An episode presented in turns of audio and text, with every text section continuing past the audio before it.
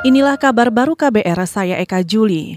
Korban Undang-Undang ITE yang juga terpidana kasus penyebaran konten asusila, Baik Nuril Maknun, mendatangi Istana Kepresidenan untuk memohon amnesti kepada Presiden Joko Widodo. Namun, Nuril hanya diterima Kepala Staf Presiden Muldoko. Kuasa hukum Nuril dari Amnesty International, Usman Hamid, mengatakan ia juga telah menyampaikan surat dukungan dan petisi dari ratusan ribu orang dari dalam dan luar negeri agar Joko Widodo segera menerbitkan amnesti untuk kliennya. Di hari ini kami menyampaikan dukungan kepada Bapak Presiden eh, Joko Widodo untuk memberikan amnesti kepada uh, Ibu Baik Nuril atas pertimbangan keadilan dan pertimbangan kemanusiaan.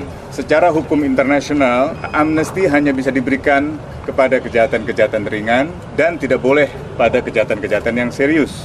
Dengan demikian, secara hukum sebenarnya kasus Ibu Baik Nuril sangat dimungkinkan untuk diberikan amnesti. Kuasa hukum Baik Nuril Usman Hamid juga menambahkan tidak ada kendala hukum dan konstitusional jika Jokowi menggunakan kewenangannya dalam memberikan amnesti kepada Nuril. Apalagi ratusan petisi dan surat dukungan dari berbagai kalangan masyarakat juga dilayangkan pada Jokowi agar segera memberi amnesti untuk Nuril. Menanggapi itu, Kepala Staf Presiden Muldoko akan meyakinkan Presiden Jokowi untuk memberikan amnesti kepada Baik Nuril.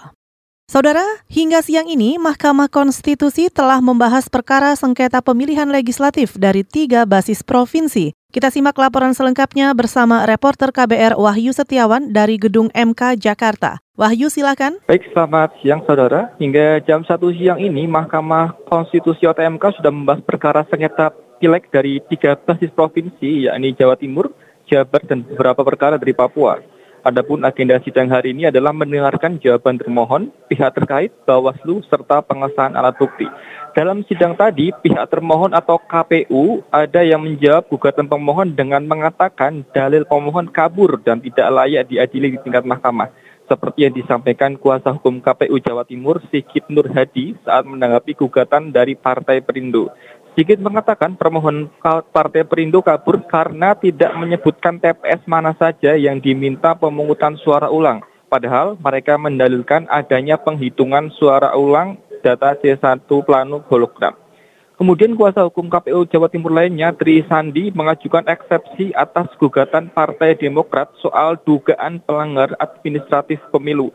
Menurut KPU, MK tidak berwenang mengadili perkara tersebut karena pemohon sudah menempuh jalur ke Bawaslu. Terlepas dari itu, masing-masing dari pihak termohon, pihak terkait dan Bawaslu memberikan jawaban bantahan atas gugatan yang diajukan pemohon. Menurut catatan MK, ada 68 perkara dari enam basis provinsi yang menjalani sidang pemeriksaan hari ini. Adapun sidang hari ini akan berlangsung hingga malam hari dengan jadwal terakhir jam 7 malam. Demikian dari Gedung MK, Wahyu Setiawan melaporkan langsung untuk KBR.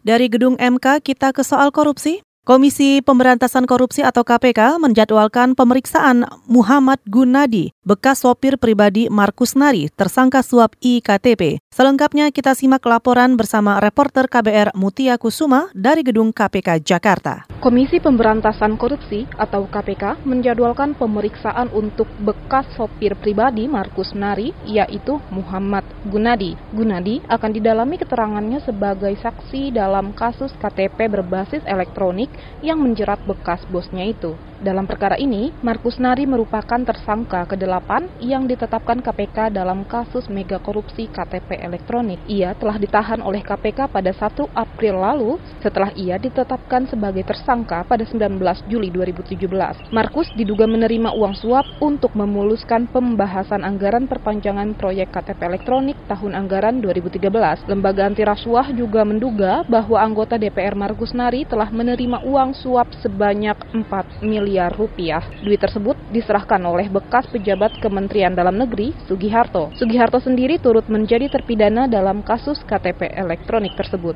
Dari Gedung Merah Putih KPK, Mutia Kusuma Wardani untuk KBR. Saudara, produk olahan kopi Indonesia akan dijual secara resmi pada supermarket-supermarket di Selandia Baru. Gabungan Perusahaan Perkebunan Indonesia atau GPPI mengklaim jaringan supermarket di Selandia Baru seperti Countdown berminat untuk menjual produk sudah jadi dari merek kapal api. Selain Selandia Baru, beberapa delegasi yang berminat yakni Solomon Island, Papua Nugini, dan Fiji. Bahkan telah ada nota kesepahaman dengan beberapa pemanggang atau roster untuk kopi yang ingin mengimpor produk Green Bean GPPI atau Gabungan Perusahaan Perkebunan Indonesia. Saudara demikian kabar baru, saya Eka Juli.